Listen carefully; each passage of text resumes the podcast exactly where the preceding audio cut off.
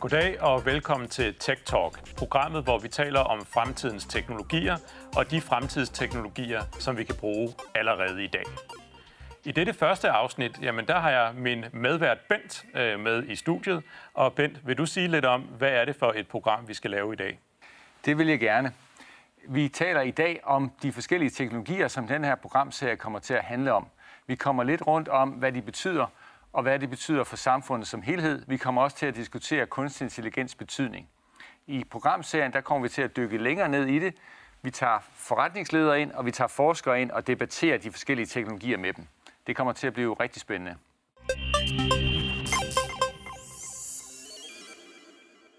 Bent, jeg vil gerne starte med at spørge dig, hvorfor er der overhovedet behov for et program som Tech Talk? Jamen, der er et stærkt behov for et program som Tech Talk, fordi det, der sker lige nu, det er, at vi kommer på vej ind i det, der hedder Second Machine Age. Der er nogen, der taler om den fjerde industrielle revolution. Det synes jeg er en underdrivelse af betydningen af det, vi kigger ind i. Det er sådan, at indtil videre, der har alle problemer været løst af mennesker. Så lykkes det os at bruge redskaber. Så har vi så brugt redskaber i utrolig lang tid. Altså faktisk måske 10.000 år. Nu sker der så det, at vi kan begynde at lave et redskab, som i sig selv kan lave redskaber, og som i sig selv kan tænke. Og det er en ekstremt vigtig ny ting. Det kommer til at påvirke samfundet meget, meget klart i fremtiden. Alright. Og, og jeg kan måske sige, at fra mit perspektiv, jamen, så handler det også om, jamen der er en masse nye teknologier, som er omkring os. Øh, vi ser det alt lige fra øh, ens øh, brødrester næsten til, til ens robotstøvsuger, til ens... Så jeg har sågar en, en tandbørste, der er indbygget kunstig intelligens. Og man kan sige, når teknologien på den måde hele tiden er omkring os, jamen så, så giver det mening at have en, en god forståelse af den.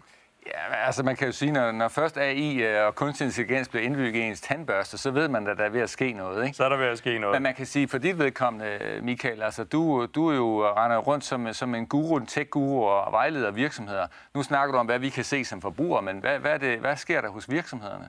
Jamen, øh, jeg synes, vi ser virksomheder bruge den, de her nye teknologier, hele AI-suiten, øh, faktisk på tværs af hele virksomheden. Og det kan være alt fra i HR, øh, hvor man kan bruge AI til at sikre, at de jobopslag, man skriver, at de ikke er forrettet mod et, et køn eller et andet, øh, til, i, øh, til i, der, hvor man kontakt, har kontakt med brugerne eller kunderne, og automatisk kan læse og, og skrive e-mails øh, til logistikken, hvor man laver automatisk øh, ruteplanlægning. Mm. Så det er egentlig på tværs af, af hele virksomheden, at det, giver, at det giver mening at bruge kunstig intelligens.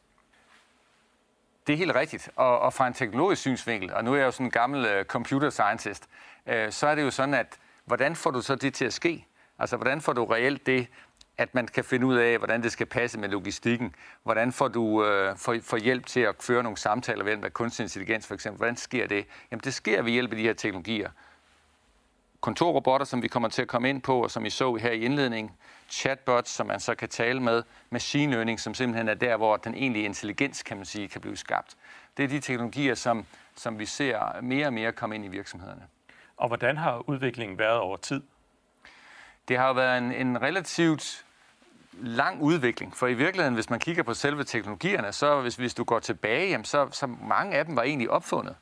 Og, og, og jeg sad selv der for rigtig mange år siden og var meget begejstret over, at nu havde vi et neuralt netværk, vi kunne anvende til noget, som ligesom er, er kongen inden for machine learning. Altså hvor man i den grad ikke behøver at programmere noget, men den selv kan finde mønstre, ligesom vi, vi gør med vores hjerne. Det er også derfor, det hedder neuralt netværk.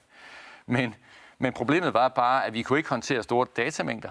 Vi var ikke i stand til at, at, at håndtere, hvordan, hvad der skete, når man så forsøgte at tilgå de samme data samtidig. Og på den måde, så gik det hele lidt i lok. Oveni, så havde vi så heller ikke computerkraften. Så bortset fra det, så var alt egentlig fint. Altså, øh, det der er sket nu her inden for de sidste, øh, jeg vil sige 10 år særligt, der er det virkelig gået stærkt. Øh, startende med, at man virksomhederne begyndte at bruge øh, robotter, kontorrobotter, og så så man så machine learning komme rigtig stærkt ind fra de store virksomheder. Præcist. Og jeg synes også, man kan sige der med, at den, den ændring, som vi har set, det er, at det er blevet meget, meget lettere at lave de her kunstige øh, intelligenser, om man, om man så må sige. Så alt lige fra kontorrobotter, som, som, før kan, eller som kan lave nogle ting, udføre nogle arbejdsopgaver, som før tog lang tid egentlig at programmere op. Øh, I dag så kan mange mennesker gøre det hurtigt. Ja. Øh, men kan du prøve at sætte et par ord på, jamen, hvordan er, hvad er forskellen fra altså, en traditionel software og så over til kunstig intelligens? Ja, altså i, i traditionel software, der det man gør, det er, at man, man sætter sig ned, og så finder man ud af, hvad er, det for et, øh, hvad er det for et område, som vi skal til at lave et program for. Og så definerer man egentlig det sådan forholdsvis nøje, og så kommer man i gang med at programmere. Og uanset om man så gør det øh, kan man sige, på den gamle måde, hvor man bruger lang tid på analyse og lang tid på design, eller på den nye, hvor man egentlig går i gang og laver det mere iterativt, så skal man stadigvæk igennem de samme steps. Så en hel del programmering øh, og rigtig meget test, og så kører man frem og tilbage på det.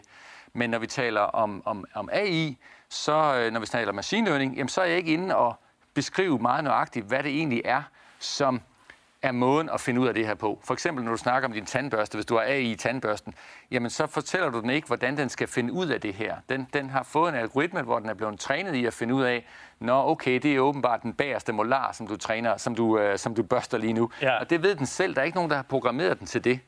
Og, og det, er jo en, det er jo en kæmpe forskel. En anden stor forskel, det er, at du faktisk kan lave ting helt ned på mikroplanet. Altså det øjeblik, at jeg har behov for en, en dims, som kan noget bestemt. Jeg har egentlig bare behov for, at jeg sidder til daglig og har nogle Excel-ark, jeg sidder og, og sætter sammen. Jamen så kan jeg meget hurtigt ved hjælp af en kontorrobot få det til at ske. Hvis jeg derimod skal ned i IT-afdelingen og bede dem om at lave det der program, jamen så kommer det til at tage lang tid, fordi det er en helt anden proces, de skal igennem. Med, med kunstig intelligens og, og de typer af programmer, der er omkring det, der kan jeg typisk hele tiden se, hvad er det egentlig, den laver. Og så også som almindelig bruger, der kan jeg se, nå okay, nu trykker den der, så trykker den der, så trykker den der. Hov, den har vist glemt lige at tjekke, om, øh, om kunden er i Ribers. Det kan jeg simpelthen se. Hvorimod, at når jeg programmerer, så kan jeg ikke se det. Så kommer der bare noget ud, og så håber jeg så, at den, den har tjekket Ribers. Så, så det, er en, det, er en, det er en anden verden, vi er i der, med, med, med små og agile ting, som til gengæld i det visse tilfælde slet ikke skal programmeres. Hvor det vi tidligere har kigget på, det er altså nogle, nogle, nogle programmeringsprojekter, som altid har en vis størrelse, og som så selvfølgelig også kan være enorme. Men det, giver, det, det er, en, det er en, en tredje måde at lave ting på. Vi har mennesker, vi har IT og vi har AI.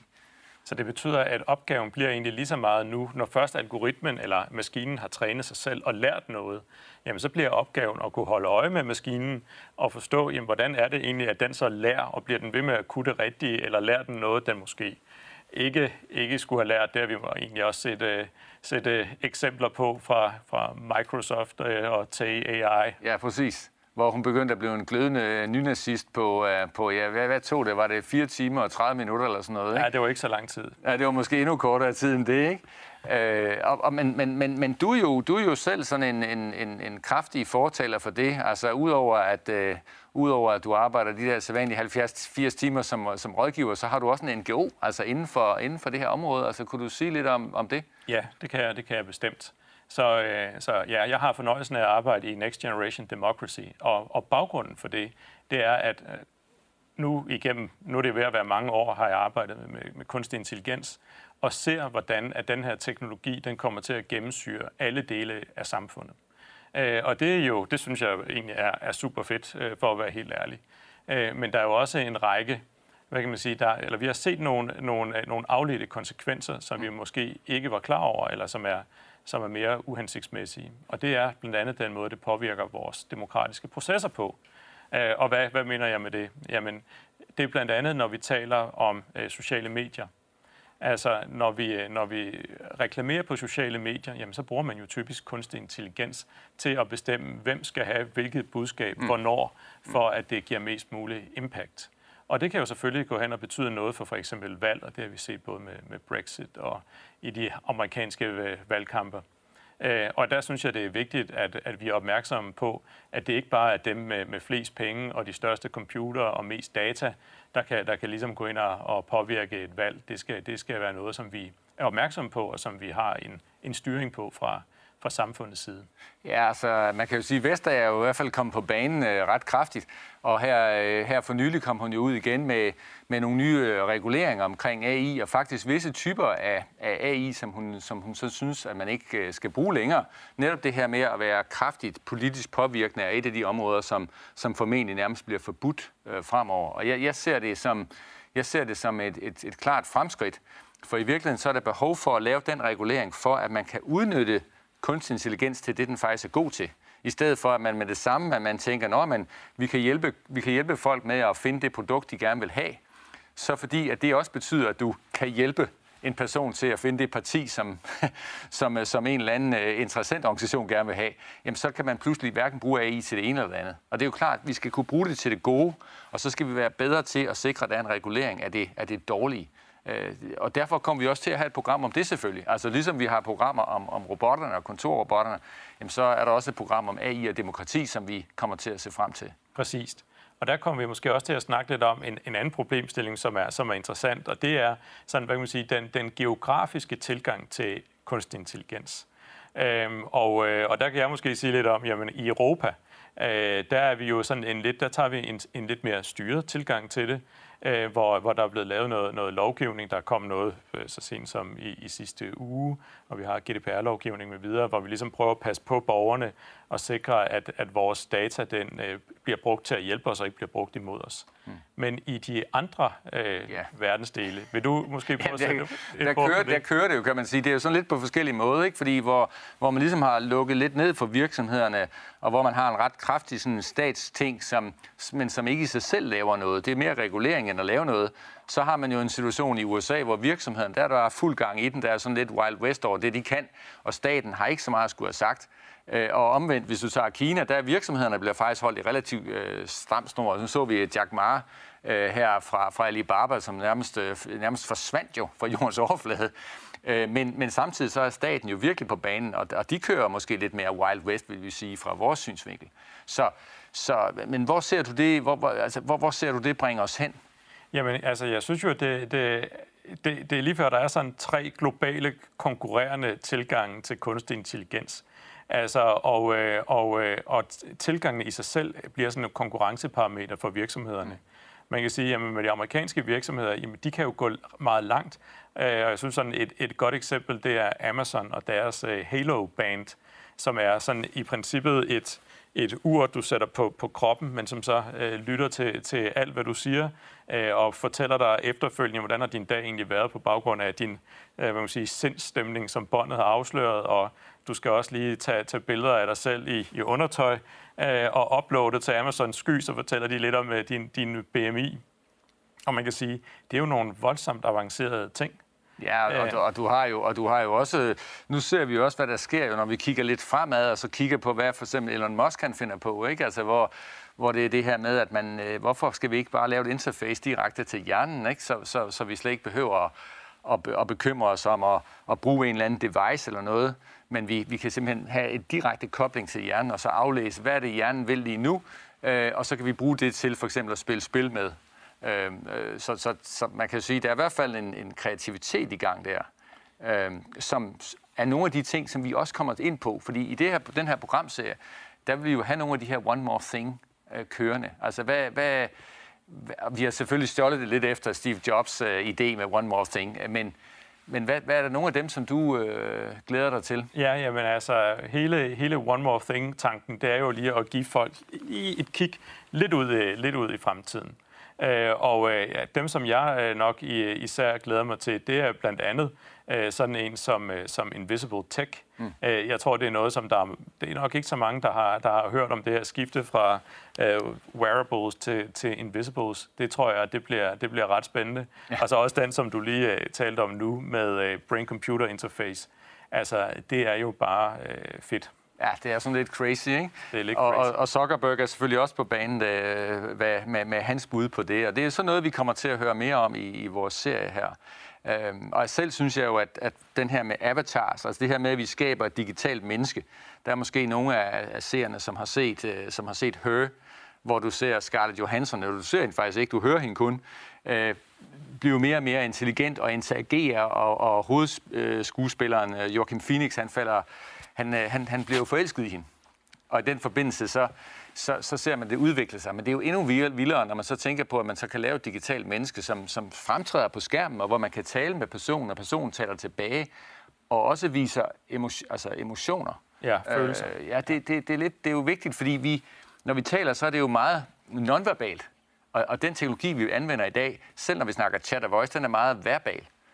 Og den nonverbale kommunikation, den ved vi jo er super vigtig. Ja, så vi kommer egentlig tilbage til, altså så den udvikling, der har været, vi startede med, med tekst øh, og, og, og skrive, og så med touch, og nu kommer vi egentlig tilbage til den originale måde at kommunikere på, men det er bare med en maskine i stedet for. Ja, præcis. Og det er det, når man kigger fremad. Altså, hvordan, hvordan ser du fremtiden, sådan, øh, hvis vi sådan tager det der view? Fordi det er jo noget af det, vi her i programserien kommer til at, at tale en del om.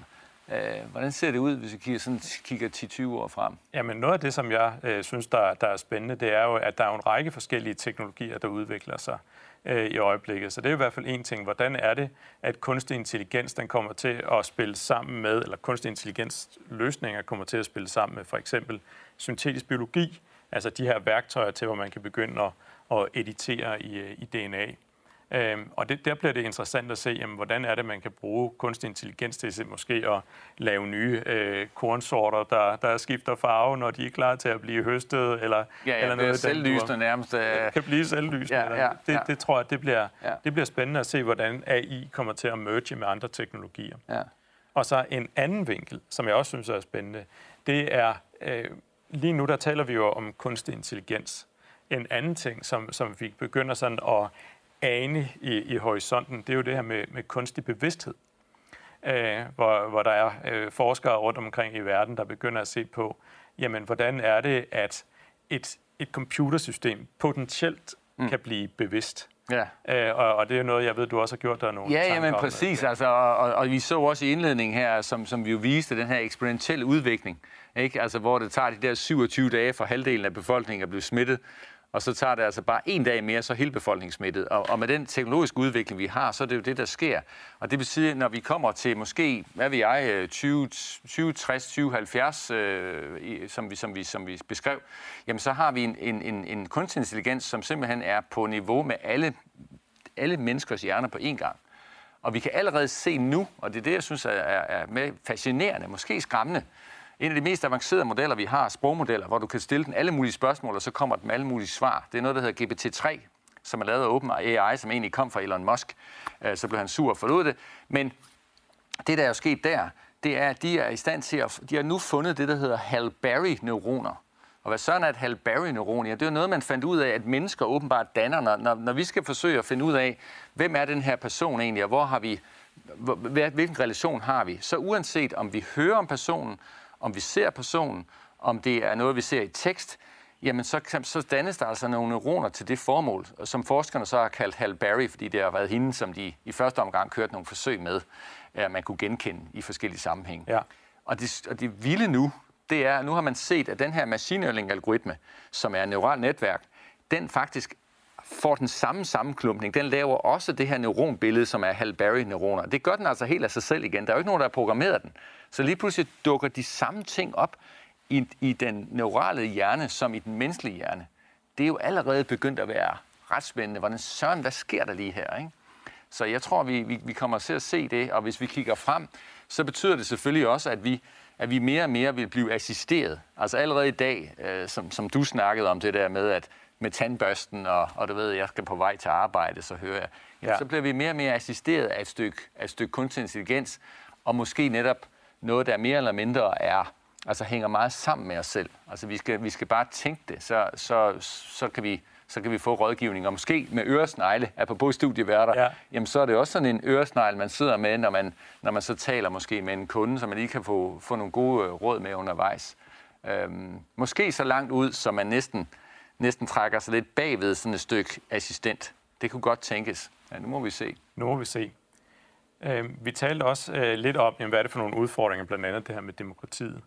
Øh, hvilke, hvilke barriere og måske øh, både udfordringer, men også hvad er, det for nogle, hvad er det for nogle vigtige skridt, som vi kommer til at se her over de næste 10 år? Hvad er det? Har, du, har du et perspektiv på, hvad er det for nogle hvad for nogle ting, vi skal overkomme for at, ligesom at se kunstig ja, intelligens? Det er jo noget af det, som vi kommer ind på i udsendelserne igen. Ikke? Altså, når, vi, når vi dykker lidt nærmere ned i det, så vil vi diskutere med nogle af de her forskere, og også erhvervsledere, hvad er det, der skal til, for at vi kommer til at bruge det? Uh, fordi det skal jo nødgå, som det er gået med, med, med, med visse andre teknologier. Uh, for, eksempel, øh, for eksempel når vi snakker om, om, om, om atomenergi, hvor man ligesom har, har opfundet noget, som er, som er helt fantastisk til energi, men som også kan anvendes øh, destruktivt. og så, og så lukker man ligesom begge dele ned. Øh, vi skulle meget gerne være i en situation, hvor at man, at man tager det til sig og bruger det til.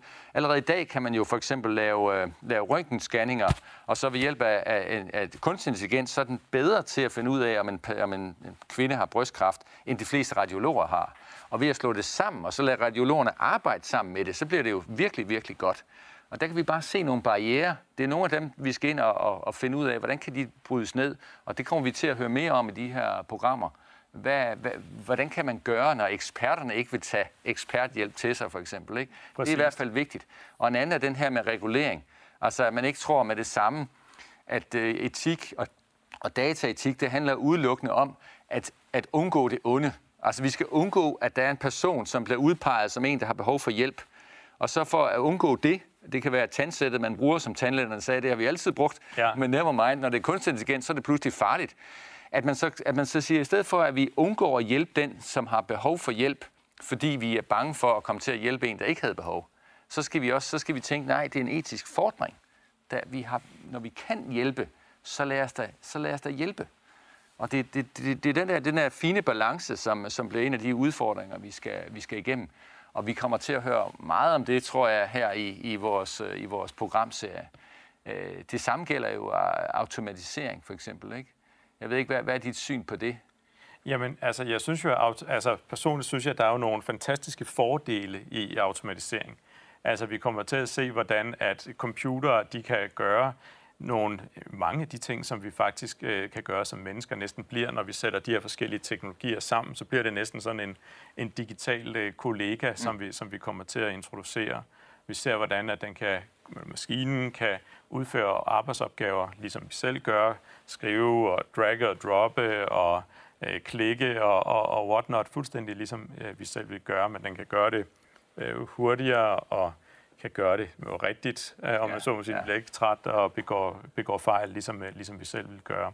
Så på den måde, så tror jeg egentlig, at, at vi er, jeg synes allerede, at vi kan se, at vi er ja. i gang med en udvikling, der ligesom, der ligesom egentlig et eller andet sted bare er startet. Og jeg kunne også godt, du siger det her med, at der er sådan en fordring, vi bør gøre det. Ja. Altså i et eller andet sted, så kunne jeg også godt forestille mig, at man på et tidspunkt vil komme til at sige, Nå, men jeg vil betjenes ja. af en, af en ja. AI. Ja, jamen, jeg tror, jeg tror, jeg tror nærmest det bliver en rettighed. Altså netop øh, inden for sådan noget som, som sundhed. Ikke? Hvis jeg nu ved, at, at hvis jeg bliver scannet af, af et, et stykke AI, øh, at, at så ved jeg, at den kommer ikke til at lave de her groteske fejl. Den kommer ikke til at overse noget grotesk. Det sker bare ikke. Øh, og, og samtidig så vil den være bedre til at, at finde de ting, der er. Jamen, så vil jeg jo forlange, at jeg også lige får det med, i stedet for, at det kan man sige, kun er et menneske. Det tror jeg på. Og hele automatisering, altså, det kommer vi netop ind på ved det program om kontorrobotter for eksempel, ikke? hvor vi får en, en, en god samtale om, om, om hvad, hvad det egentlig betyder, og, og hvad det kan, hvordan det kan anvendes. Øh, ben, jeg kunne egentlig også godt tænke mig lidt at høre dit perspektiv på, hvorfor det er vigtigt for dig at lave den her programserie? Det er vigtigt, fordi altså, hvis der er noget, som, som, som, som jeg personligt brænder for, øh, så er det jo at, at, at, at komme ud med komme ud med, med budskabet om, at der er noget teknologi her, som vi alle sammen kan gøre brug af. Og hvis, vi ikke, hvis, man, ikke, hvis man ikke er klar over det, så sker der altså det, at man, at man slet ikke løser problemet på den måde, man kan. Altså, der var en, en, en, en case, hvor vi i forbindelse med en offentlig virksomhed, for eksempel, hvor, hvor de ligesom skulle holde styr på sådan noget som, hvor mange vindmøller er der øh, stillet op i Danmark, og alle mulige andre ting. Og der kan man sige, at den traditionelle approach er, at du kaster enten et, nogle mennesker efter det, så de kan sidde og, og kigge på, på de her billeder, og så udpege, at det var en vindmølle, og det var en vindmølle, og så tælle op. Eller også så kan du forsøge at lave et IT-system og programmere det. Men det er ikke noget, man bare lige programmerer, for det handler jo altså om noget, noget billedgenkendelse og den slags. Men ved at begynde at tænke i, i machine learning og kunstig intelligens, så pludselig så er det, de siger, hey, wait a minute, vi skal da ikke mere have de her mennesker, der sidder og, og møjsommeligt krydser af, om det her det er en vindmølle. Nej, vi kan bruge et stykke machine learning til at lave en image recognition på det her, og tælle vindmøller.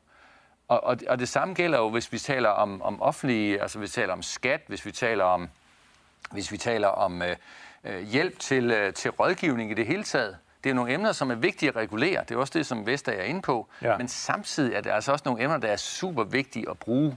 For så, ellers så får vi ikke den der personlige behandling, som vi, som vi skal have. Ja, og som vi har, har vendet os til. Og jeg synes næsten, der er også sådan et andet, et andet øh, skifte, det her med, at at, at vi har vendet os så meget til at blive behandlet personligt. Altså, vi er vant til, at Netflix fuldstændig kender os, Ja. og ved, jamen det er lige præcis den her film, jeg gerne, jeg gerne vil se. Det skal være Avatar eller et eller andet. De ved, eller Avengers, et eller andet. Ja. Den ved lige præcis, hvad, hvad vi gerne vil se. Og vi er lige pludselig blevet vant til, som, som samfund, at, at jeg er øh, unik, og jeg skal lige præcis have en behandling, der passer til mig. Så en ting er den her udvikling, der er sådan en, den teknologiske udvikling, øh, som, gør det, som gør det muligt. Ja. Det andet, det er vel næsten også et, hvad kan man sige, et kulturelt krav Ja. om at få en ny type af service Ja, det er eller, det, eller der, oplevelse. det, det, jamen netop, og det er det, der er det sjove jo, ikke? Altså, det er lidt sjovt, at man på den ene side vil sige, hvem driver den her udvikling? Jamen, det gør de store selskaber, du ved, det er Amazon, og det er Facebook, og, og de tvinger det her frem, og, og nu, skal, nu skal det hele køre ved hjælp af nogle algoritmer. Ja, men altså, som du selv siger, det er måske lige så meget den anden del, som handler om, at vi alle sammen bliver mere og mere individuelle. Altså, vi, vi, vi ønsker nu, at vi kan definere hvad som helst for os selv. Altså, vi, vi kan definere, hvilket køn vi har. At vi kan definere, øh, altså egentlig, hvad vi har nærmest har lyst til. Ja. Og, og, øh, og, og, det, og det sætter jo pres den anden vej. Det gør jo også, at vi forlanger også at blive behandlet på den måde. Altså, ved du ikke engang, at jeg typisk bruger en kombination af gedemælk og, og, og hvedemælk, øh, når, når, jeg, når jeg får lavet sådan en kaffe latte, øh, som selvfølgelig skal have bønner fra Costa Rica. Altså, der kan man sige, nej, det vidste jeg ikke lige. Jeg troede bare, du skulle have en kop kaffe. Men, men, men, men, men, men det er jo det, vi mere og mere forlanger. Og for at det kan lade sig gøre, så har vi altså behov for at bruge den kunstig intelligens for at lave den her personalisering. Også bare for at få ting til at ske, apropos robotterne. Der er simpelthen ikke arbejdskraft nok.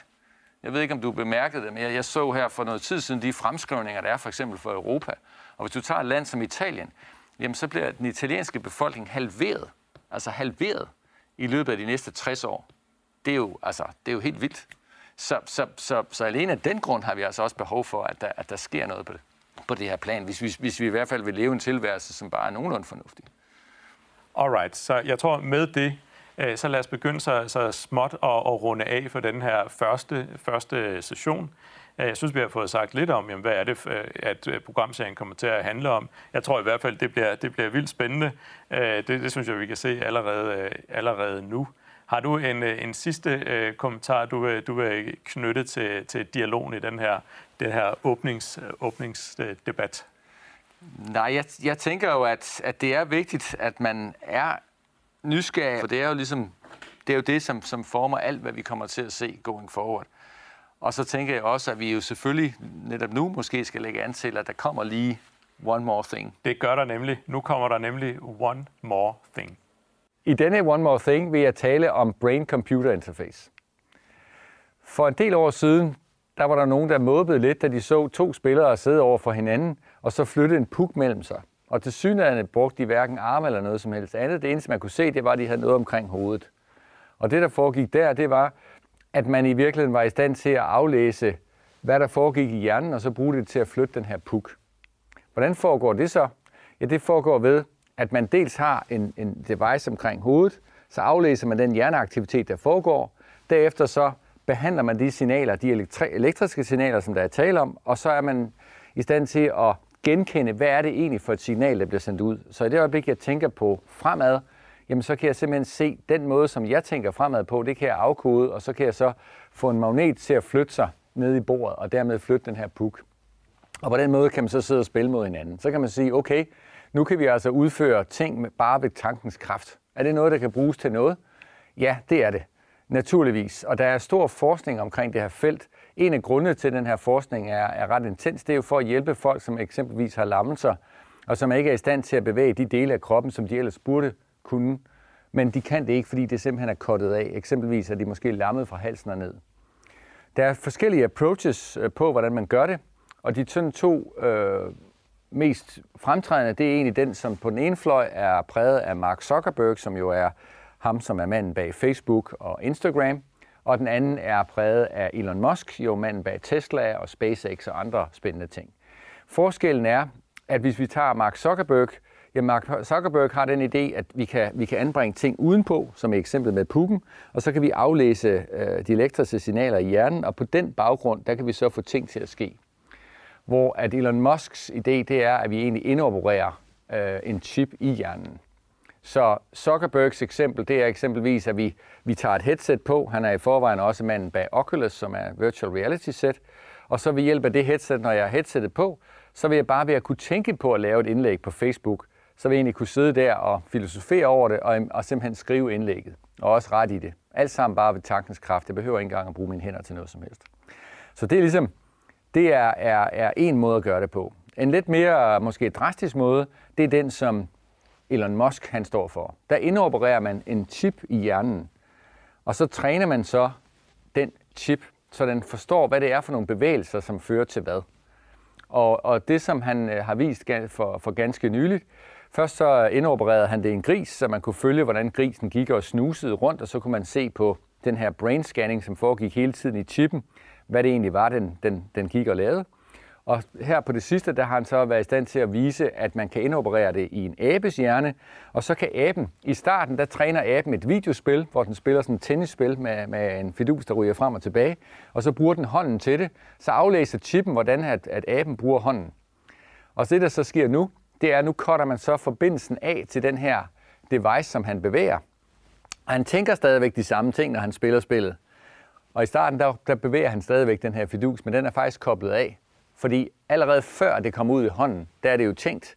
Og når det er tænkt, så kan chippen bevæge den her ting på skærmen. Så nu kan, nu kan den her abe simpelthen spille computerspil på skærmen fuldstændig ved tankens kraft. Det er ret fascinerende og kan selvfølgelig bruges til rigtig mange ting. Øh, og aflæsning af tanker har jo altid været et spændende felt at beskæftige sig med.